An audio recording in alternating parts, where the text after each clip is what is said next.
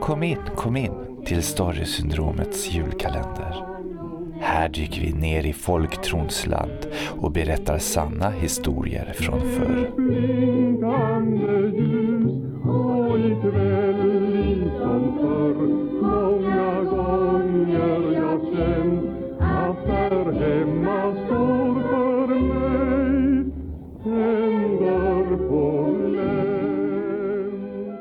Mor Bengtas farfar Ola Hansson som var född 1770 råkade ut för otyg när han var 11 år gammal.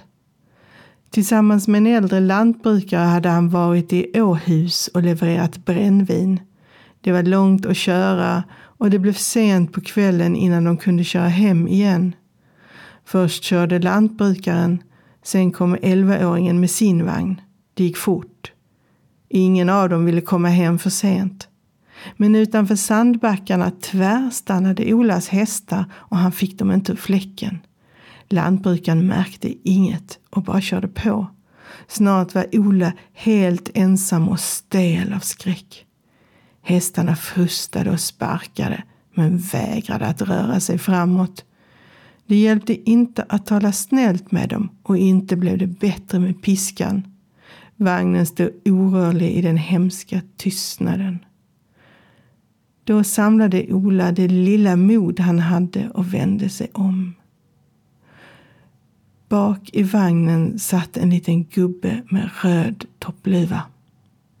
Ola kallsvettades och darrade av rädsla och läste alla böner han kunde komma på, både bak och fram, tills gubben försvann och hästarna satte av i galopp, helt genomdränkta av svett. Men Ola sa inget om vad som hade hänt, inte ens när han kom hem, för han visste att man aldrig ska berätta om en spöksyn innan man har sovit en hel natt. Men när han vaknade berättade han allt och han glömde det aldrig så länge han levde. För såg man tomten betydde det illa. Du har lyssnat på Storysyndromets julkalender lucka 9 av och med författarna Kristina Hård och Henrik Pettersson.